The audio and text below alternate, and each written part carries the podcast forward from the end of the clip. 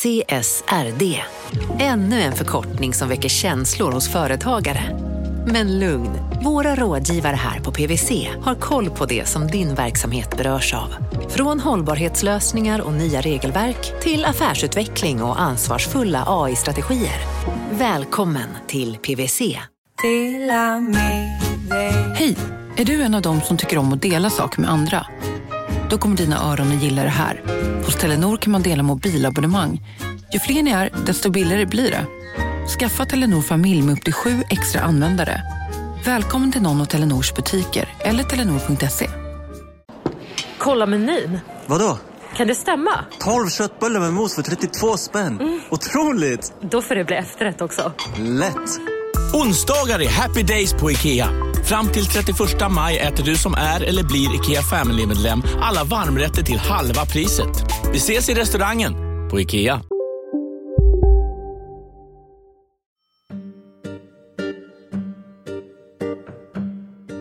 Jag heter Alice.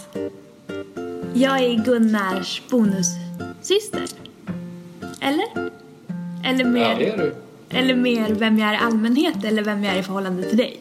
Jag är en pausande arkitektstudent som tar det lite lugnt och mår bra och går på folkis. Ja, du är konstnär också. Ja, konstnär. Det här är Alice. Det, det finns en känsla som, som egentligen bara infinner sig runt eller efter nyår.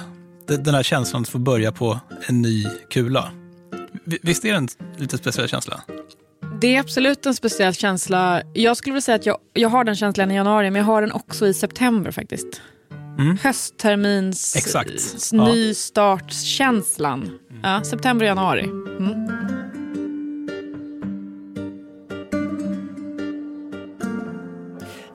Ja, jag, jag, tror dels det här med att det finns förhoppningar om att nästa år ska kunna bli väldigt mycket bättre. Det, och det är ju så snyggt att det är en ny siffra. Eh, det blir 2021, det blir 2022. Eh, det, eh, kalendern är tom, man kan göra vad som helst. Världen ligger framför ens fötter. Och jag minns känslan när jag var yngre och använde papperskalendrar. Jag skrattar nu för att du gör ju det. Och, och det här hoppet som man tillskrev en ny kalender med oskrivna blad.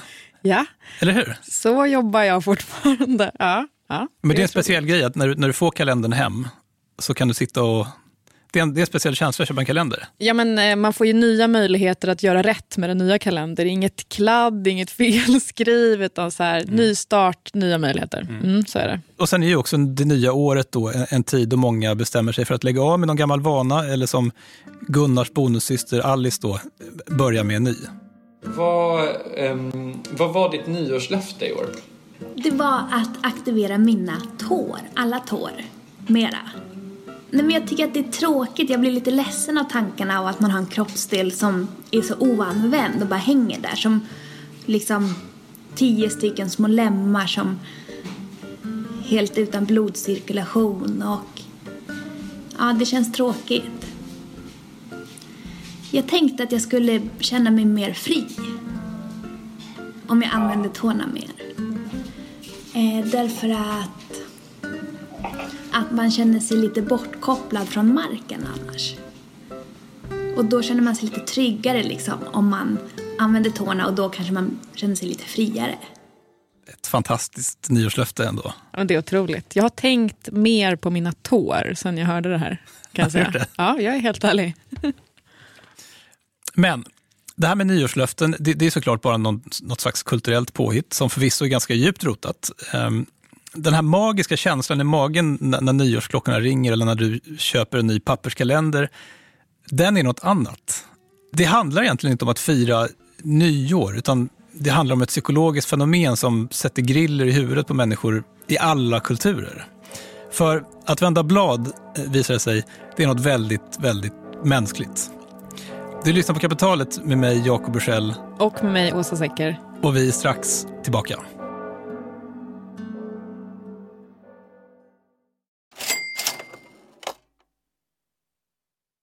Vi sponsras av Storbrand Asset Management som ju förvaltar över 1000 miljarder norska kronor, bland annat för SPPs eh, många pensionssparare. För två år sedan så investerade Storbrand i drygt 60 tåg, alltså tågvagnar, eh, som rullar mellan London och Skottland. De leasar sedan de här tågvagnarna till tågoperatören som alltså kör tågen och säljer biljetter och sånt eh, med ett avtal på 27 år.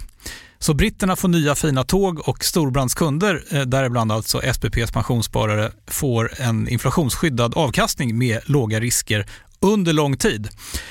Det här är ett av supermånga exempel på hur pensionskapitalet i växande omfattning bidrar till att bygga samhället och inte minst till att klara klimatmålen. Det behövs elproduktion, elnät, batteriparker, nya transportlösningar och allt möjligt. Bara i Europa antas investeringsbehovet för att klara klimatmålen uppgå till tusentals miljarder dollar. Och det här är ju pengar som ganska ofta saknas i statsbudgetarna. Däremot är det här pengar som pensionsbolagen kan vara med eh, och stoppa in, vilket ger pensionsspararna en fin avkastning under lång tid samtidigt som man är med och ställer om samhället. Vi har gjort ett helt avsnitt om det här eh, som man kan lyssna på. Det publiceras här i Kapitalet i mitten av maj. Ratta gärna in det om ni vill lära er mer om hur det här funkar. Men tack säger vi till Storbrand Asset Management som ju investerar i alla tänkbara tillgångslag, bland annat för pensionsbolaget SPP. Och tillsammans försöker ju vi, Storbrand och SPP öka medvetenheten om hur pensionerna funkar och vilken roll pensionerna spelar i samhället och i ekonomin.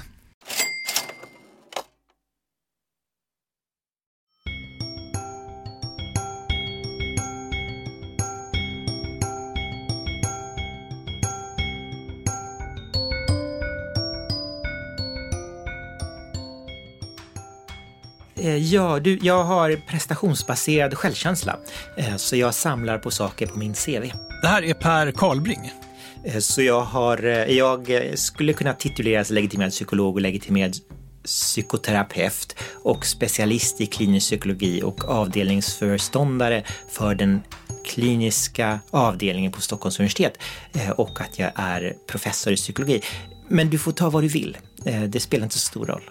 Per är också författare, ska jag säga. Han är medförfattare till boken 10 i 12 som handlar om ja, nyårslöften. Ja, jag tycker själv att det har varit, eller i, i min familj så har det varit en tradition med nyårslöften. Eh, och mycket av dem jag har umgås med har också pratat om nyårslöften. Sen har det gått si och så med nyårslöftena förstås, men, men ändå någonting man, man stannar upp och funderar kring. Eh. Men Pers professionella intresse för nyårslöften, det väcktes när han såg en opinionsundersökning där man frågade vad folk har för löften. Och då var det gå ner i vikt och, och börja träna som var de absolut vanligaste. Men det absolut vanligaste, ännu mer vanligt än det, var övrigt, annat. Och då undrar man, eller i alla fall jag, vad är det som döljer sig bakom det här annat då? Har, har, har du någonsin haft ett nyårslöfte? Ja, alltså något år så hade jag eh, bli bättre. Och så bara definierade jag inte det, utan jag skulle bara, jag skulle bara höja mig ett snäpp liksom. i livet. Det var ju väldigt svårt att mäta i mm. efterhand. Mm. Ja. Har, har, du? Nej, jag har faktiskt inte någonting som jag kan komma på konkret. Nej, inga tår? Nej, nej inga tår. Men en intressant grej med det här, tycker jag, liksom med nyårslöften, det är att Alltså, man kan ju börja med det idag. Man måste inte vänta till efter nyår för att liksom påbörja en ny vana. Men, men då, enligt Per Karlbring så handlar det här om att vända blad. Man tänker att man har, man har kanske levt dåligt ett tag och sen så vill man börja om. Att man suddar ut livet hur det har varit tidigare. Nu, nu vänder man blad som kungen sa och så kör man på, på ett nytt och bättre spår. Någonting som man verkligen vill ehm, få till en förändring till exempel. Det här fenomenet att man kopplar en beteendeförändring till en viss tidpunkt i framtiden, det kallas för lyssna nu, fresh start-effekten. Det känns som ett skämt. Fresh start. Ja.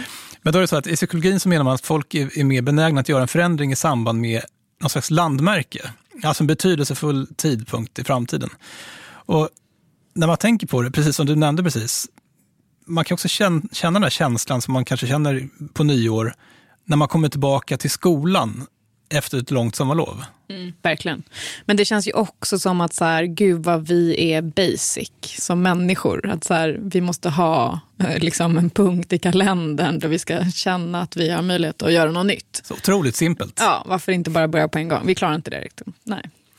Och, och, och den här då fresh start-effekten den dyker också upp då och visar sig när man liksom väntar på en ny epok i livet. Um, vilket också sägs ligga bakom våra tioårskriser. Mm. Psykologerna Adam Alter och Hal Hirschfield, de är två amerikaner då, som visar en ganska stor studie hur folk som fyller jämnt eh, under det kommande året eh, funderar väldigt mycket på meningen med tillvaron. Alltså det som vi tänker på som en 30-årskris eller 40-årskris. Mm.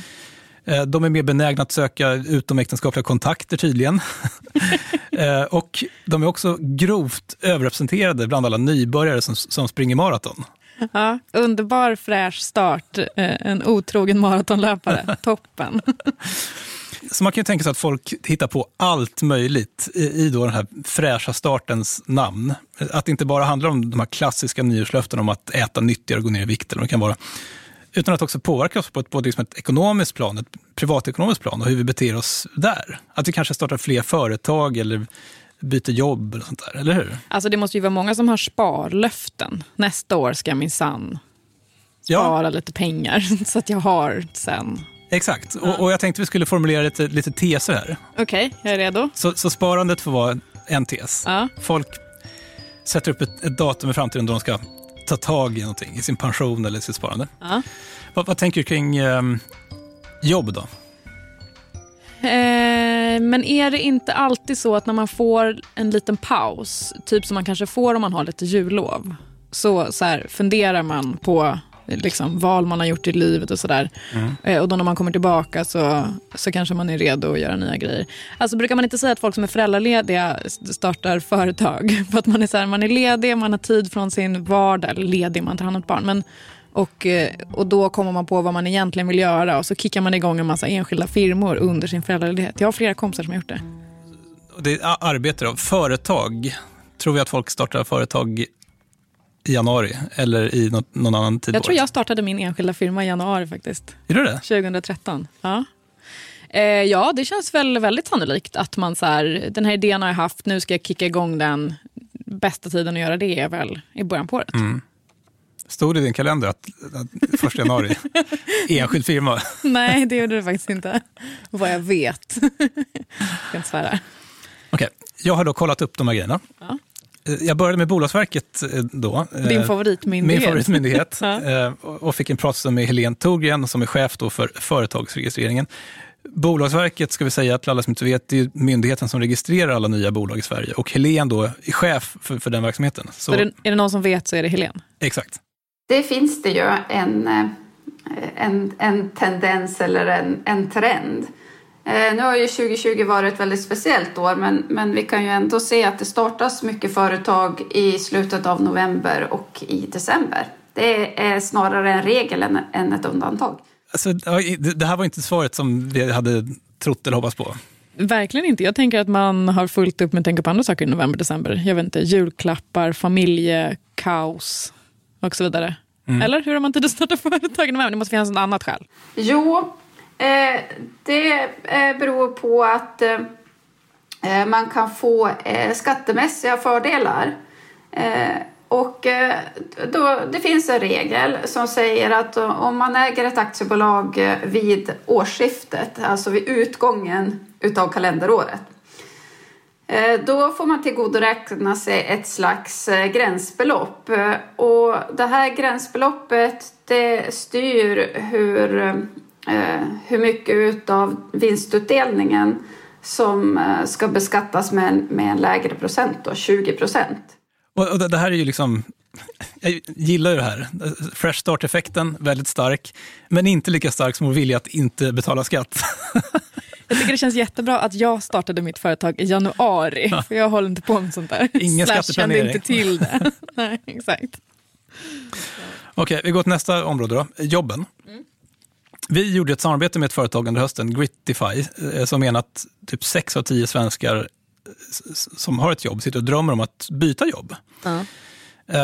Och där kan man tänka sig att det är ganska viktigt då att knyta upp den här drömmen om ett nytt jobb vid en tidpunkt i framtiden, som, som nyår. Jag bollar den här frågan med Susanne Sjöblom som är då jobbcoach och, och som hjälper människor att hitta rätt i karriären och i livet. En typisk fråga det är just det här att hitta sitt, sitt syfte. Jag har ju väldigt mycket som, som min egen eh, vad ska jag säga, inriktning att jag vill hjälpa människor att hitta sitt varför och med varför menar jag att hitta sitt syfte eh, och att våga följa det. För att det räcker inte bara det här att gå till ett jobb för att vi får lön eller en fin titel utan vi vill ju helst att det ska kännas att det är någonting mer. Att, alltså just för att det ska kännas, ska jag säga, menings, eh, meningsfullt. Och det är nog det jag upplever att de som har ett jobb mer letar efter det här meningsfulla och också att det ska vara hållbart. Eh, att det ska göra skillnad för fler än bara dem. Men däremot så hade hon då ingen riktigt så bra bild av, av det här med tajmingen kring det här. Alltså, nu har inte hon hållit på jättelänge med sitt företag, men det fanns ingen så här tydlig fresh start-effekt, utan det här var bara en, ett problem som människor har överlag. Ja. Man känner sig vilsen. Man, ja. Alla kan relatera. Alla, alla sitter och känner sig lite vilsna. Men eh, jag kollade också med Blocket. Hej!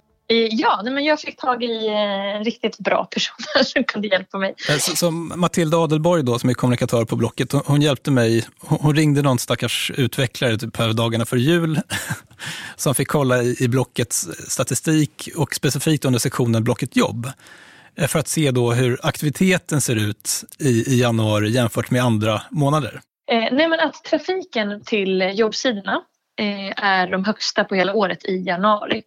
Och de är ganska mycket högre då än vad de är i december. Det är väl inte en hundraprocentigt vetenskaplig metod att använda dig av här, men det känns ändå som att, eh, som att teorin håller. Ja, men lite smyg i alla fall. Det, det lutar åt det hållet. Ja. Har du ringt fler stackars personer här innan jul? jag, jag, ringde ganska många, men det var, ju, inte, det var rätt många hade tagit ledigt. Så att, eh, Good for them. Ja, jag håller med. Men så, så har vi då din första tes här om sparandet. Mm. Vad, vad, vad, var tesen? Nej, men att man eh, på temat bli bättre så tänker man väl att så nästa år ska jag minsann ta tag i mitt sparande. Man kanske ska börja med ett pensionsspar eller man kanske ska typ, jag vet inte, öppna ett Avanza-konto eller mm. ja, vad det nu är. Eh, Niklas Andersson, eh, han är sparekonom på Avanza och eh, förmodligen ett ganska känt ansikte för, för många kapitalets lyssnare. Han säger så här.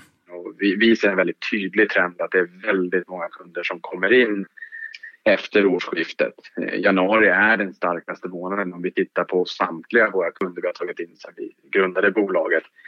Alltså det talar i, i favör för att januari då har man, man, man lovar sig själv att komma igång med sparandet och februari är den näst bästa månaden. Så det är en väldigt tydlig trend just direkt efter årsskiftet. Det, det är lite svårt att höra vad Niklas säger, typiskt lite rasslig telefonintervju. Men, men tittar man då på alla som har blivit kunder hos Avanza under alla år sedan bolaget startades för typ 20 år sedan, så är januari den absolut starkaste månaden. Inte med någon sån gigantisk marginal, men jag tänker så här, hade vi varit statistiker så hade vi nog sagt att, att, att det är en signifikant skillnad. det är utanför felmarginalen då? Ja, eller? ja. så måste det vara. Eh, otroligt. Eller hur? Bra underlag också känner jag. Liksom 20 år, Ja. Absolut. Och det mm. var, om jag minns rätt, då, så var det 10 procent av alla kunder har kommit in i januari. Mm. Eh, och 30 procent av alla kunder har kommit in första kvartalet. Mm. Så det är ändå liksom, det är ganska tydlig... Stark bevisföring här känner jag. Ja, helt okej. Ja. Mm. Jag, jag återkommer ändå till det här, det, det som liksom skaver med det här fresh start-begreppet, det är ju Alltså, jag känner igen mig själv i det här, för att det är lätt att liksom så här, jag ska sluta snusa första juli. Man, har liksom den här, ja. något, man skjuter upp någonting till framtiden. Ja. Men varför kan man inte börja nu med någonting? Alltså, jag tycker att det får en att känna sig lite dum. Alltså, varför, varför är jag inte... Varför har jag inte bättre karaktär? Varför är jag inte ja. smartare? Alla de här grejerna som jag vill göra varför kan jag inte göra det nu? Alltså när man tänker på det så känner man sig, alltså man skäms lite för att man är vek. Typ. För att man har den driften i, så att, ja. att liksom rycka upp sig redan idag. Exakt. Jag ska säga att det här, det här ämnet verkar inte vara jättebeforskat. Eh, jag hittade lite artiklar, bland annat en från tre forskare på Wharton, eh, universitetet i Pennsylvania. Eh, de hade studerat Google-sökningar och det är väl också så lite smart kan man tänka sig i det här sammanhanget. De kom fram till, då, i likhet med det som vi redan har hört, att, att folk då är mer benägna att söka på nätet efter eh, dieter, gym, om att sätta upp mål i livet och, och, och, runt då sånt här som de kallas för temporal landmarks. Alltså viktiga tidpunkter i livet. Nytt år, födelsedag, ny månad och så vidare. Och de föreslår sen att de här skiftena, eh, typ nyår, de tjänar till att dela upp livet i liksom, delar, så här vattentäta skott. Som någon sån mental bild. Om man gör det, då kan man ta liksom sitt gamla jag med alla bristerna man, man liksom upplever att man har Ja. och bara stoppa in det här vattentäta skottet, stänga dörren och gå vidare. Men då har jag en spaning. För att här tycker jag att vi har en fördel som bor i Sverige och har så otroligt tydliga årstidsskiftningar. Ja. För att eh, vi har ju nyårslöften och delar in våra liksom, liv sådär och vi har våra, våra eh, födelsedagskriser. Men vi har ju också väldigt tydliga liksom, årstidsuppbundna, så här, i sommar så ska jag göra det här. Så här. När hösten kommer då ska jag bli en, en ny människa som tränar tre gånger i veckan. Eh, och jag tycker att det är lite lyxigt för vi har ju då eh, fler tillfällen per år där vi får möjlighet till den här fresh start-effekten. Tänk dig länder där de inte har årstidsskiftningar vad press det blir på nyår då. För det är liksom den enda stora tydliga fresh start-tidpunkten om året. Verkligen.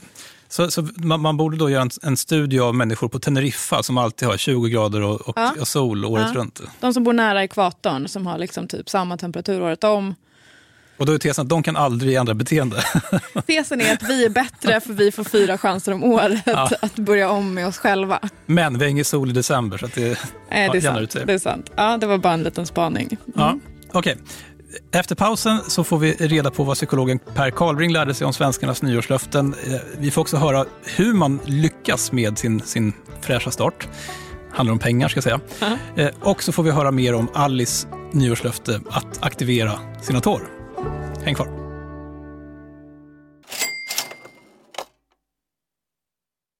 Kapitalet sponsras av Master Exchange, plattformen där du som privatperson kan investera i låtar och får pengar varje gång de här låtarna spelas.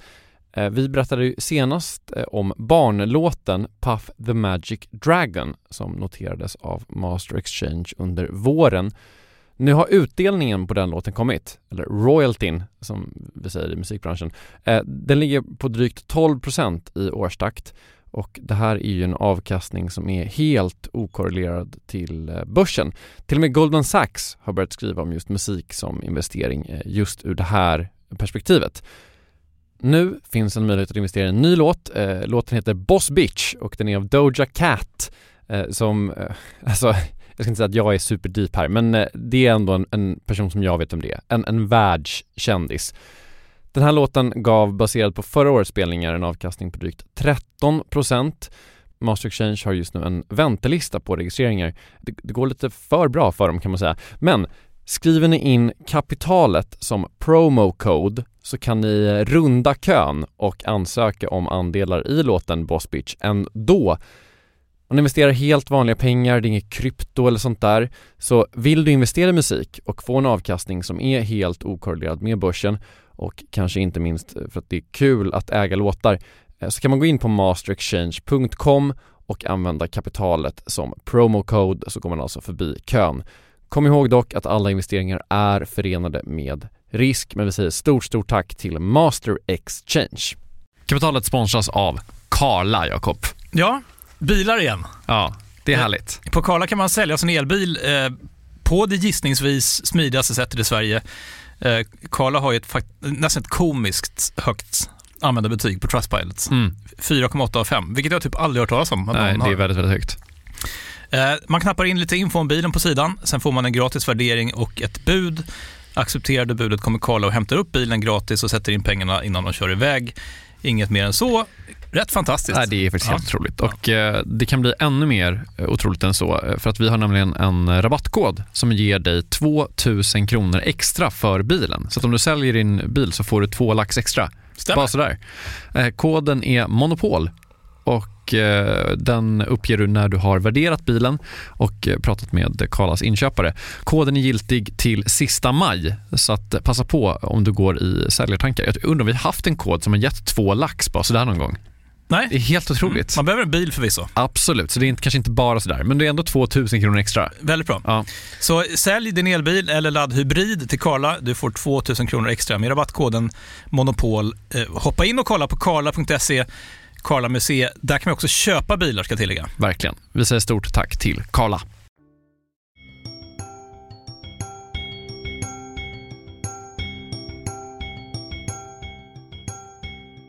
Psykologen Per Karlbring har vi hört tidigare i programmet. Han fattade intresse för det här med nyårslöften och ville veta vad svenskarna faktiskt lovade sig själva och varandra i samband med att ett nytt år började. Och, vilket är ganska unikt, så bestämde han sig också för att följa de här personerna eh, under året för att se om de faktiskt höll sina löften. Men då undrar jag, visste de att han följde... Alltså, Ja, om jag hade en forskare som följde mig, då skulle jag anstränga mig mer för att hålla mina nyårslöften. ja. En metodologisk brist här som vi får, vi får Ja. ta upp med Per. Ja, jag har ju prestationsbaserad självkänsla, va? så då vill jag ju prestera för den här stackars forskaren. Mm. Det här kanske inte kom som någon förvåning. Eh, det folk lovade sig själv då allra mest i den här studien som Per gjorde, det var att äta bättre och gå ner i vikt, en klassiker. Men så fick han också äntligen reda på vad som dolde sig bakom den här stora diffusa svarskategorin övrigt som han då sett i andra studier och stört sig på.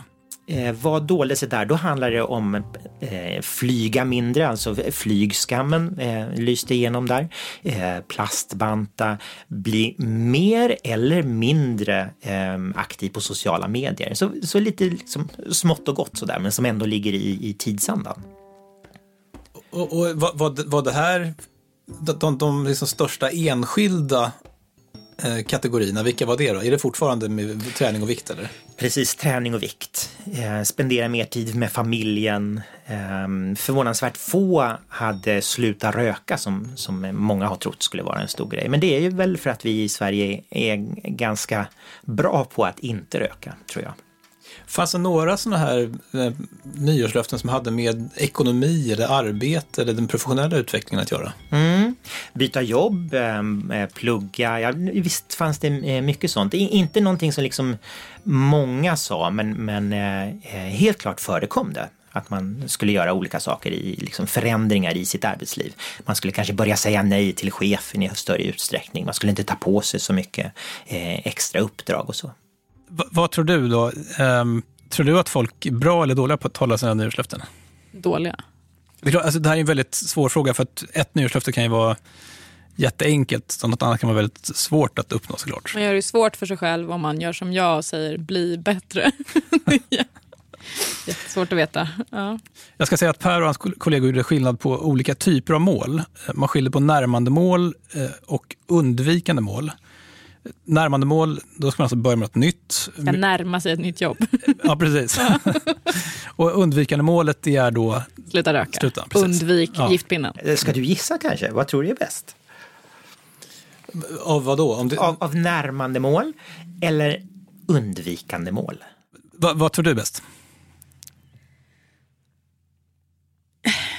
Eller Eh, bäst? Vad, vad, alltså- vad, vad, vad, tror du, vad, tror du, vad tror du folk är bäst på? Men närmandemålen är ju så mycket mer positivt laddade. Så här, jag ska satsa på att hi- hitta ett nytt jobb. Alltså, det känns ju som att så här, nu ska jag satsa på någonting medan ett undvikande mål är ju bara så här, nu ska jag disciplinera mig och begränsa mig och säga nej till livet. Så att det känns ju svårare. För man ska sluta med någonting som man då egentligen gillar, typ onyttig mat eller röka eller vad det nu kan vara. Jag tror att eh, det är lättare med undvikande mål. Det kan man tro, men det var det inte. Eh, utan det var eh, det som kallas då närmande mål, att man ska börja göra någonting. Där hade man högre utsträckning av att man liksom uppfyllde sitt, sitt mål. Och då var det ungefär 60 procent eller 59 procent då, som lyckades med sitt nyårslöfte eh, efter ett år medan det var 47 procent i undvikande mål. Och anledningen tror vi är att eh, om man har ett undvikande mål så får man inte så mycket instruktioner kring vad är det man ska göra då. Att eh, inte bita på naglarna eller ja, vad man nu ska sluta med så säger ju det bara vad man ska sluta med. Ungefär som tänk inte på en rosa elefant. Ja men det ger ju inte oss någon hjälp kring vad vi ska göra istället. Eh, och det tror vi då är eh, en av förklaringarna till att just om man nu kan formulera sitt mål som ett närmande mål så är det förmodligen bättre. Ja, är så tvärtom. Ja. Men vad, vad, vad tänker du om det? Att, att 60 procent lyckas med nyårslöftet? Det var jätte, en jättehög andel. Jag skulle sagt så här 15 procent. Jag tänker att alla har lika dålig karaktär som jag har. Och en nyckel, säger Per Karlbring, det är då att eh, det här målet som man ställt upp ska vara mätbart. Vilket då ditt eh, nyårslöfte om att bli bättre, det var ett kastmål. Ja, det var det I det faktiskt. perspektivet. Ja. Och per har då en massa andra tips också, hur, hur man ska klara ett nyårslöfte eller en sån här fresh start. Eh, En bra grej menar han är att ta hjälp av en annan person.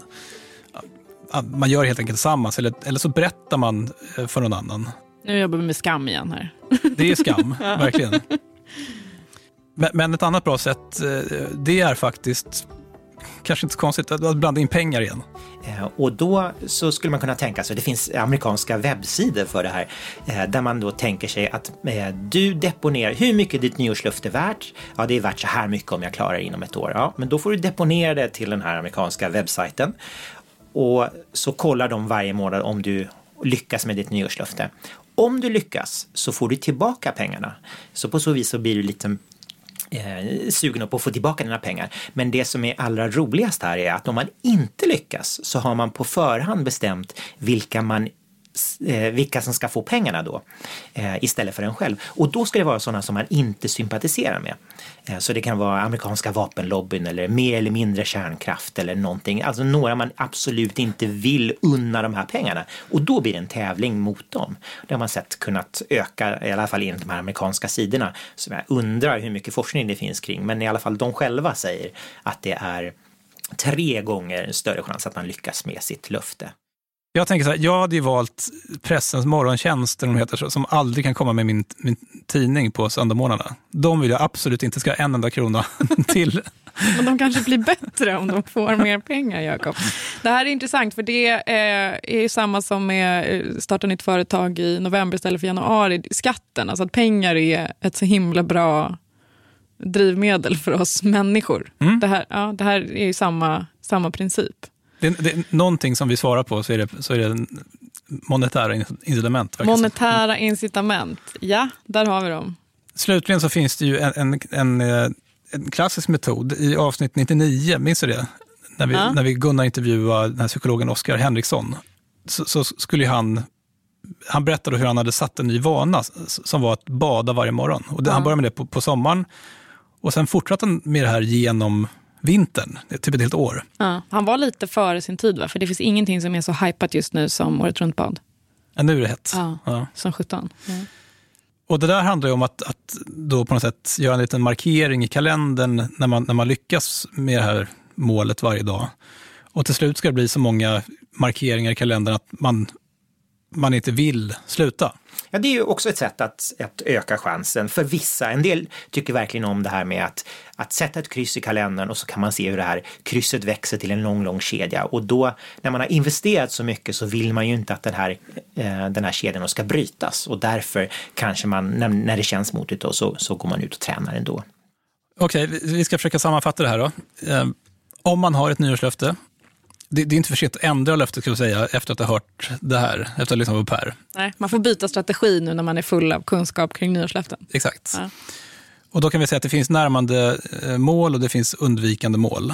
Och chansen att lyckas är mycket större om du har ett närmande mål. Du ska börja med en ny vana, det är mer positivt.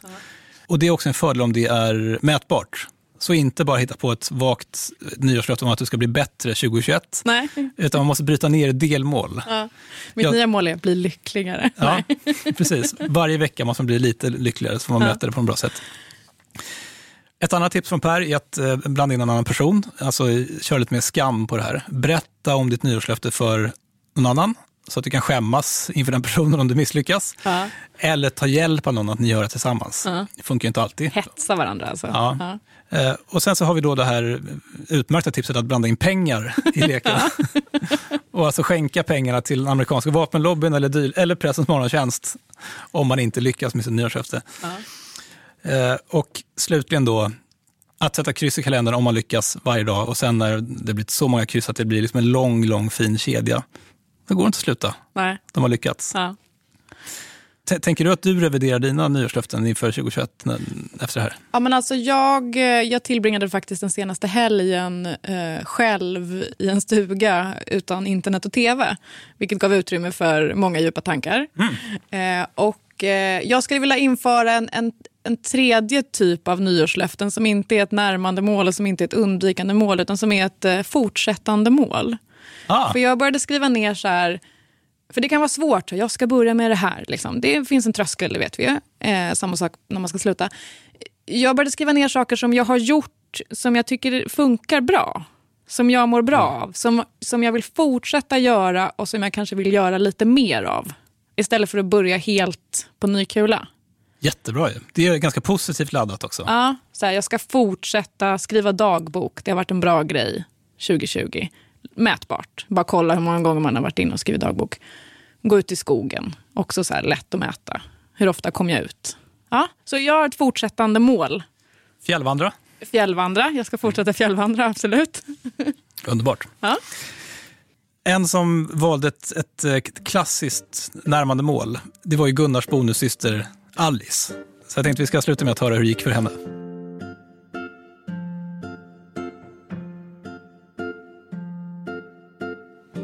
Jag kände bara att mina tår hänger där och de används inte och jag känner inte av dem. Jag vill bara vara i mer kontakt med tårna men jag visste inte exakt hur.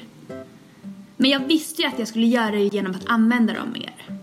När jag är ute och springer med mina barfotaskor så känner jag mig som ett, mer som ett djur. Och att jag känner mig, jätte, jag känner mig jättefri.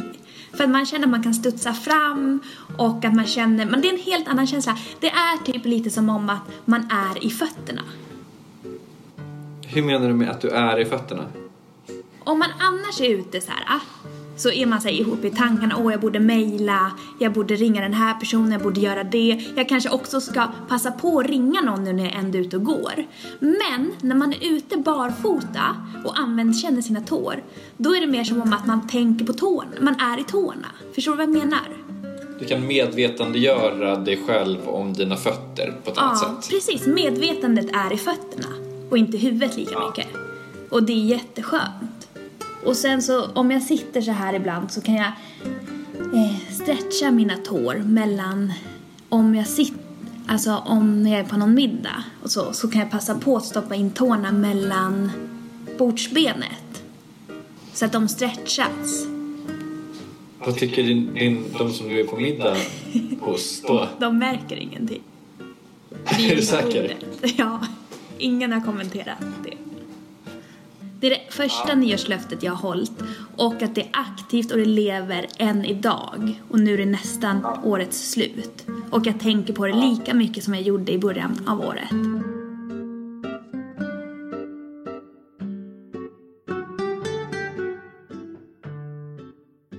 Här var i alla fall eh, vår start på 2021. Eh, Vi har hört Per Karlbring vid Stockholms universitet. Vi har hört Susanne Sjöblom som är jobbcoach på, på den egna firman Trustworthy. Vi har hört Helene Thorgren som är chef för Bolagsverkets bolagsregistrering. Matilda Adelborg på Blocket. Niklas Andersson på Avanza. Programmet har mixats av Kristoffer Krook och vi önskar alla lyssnare en fräsch start på 2021, eller hur? Fräsch start, yes. Hej då. Hej då.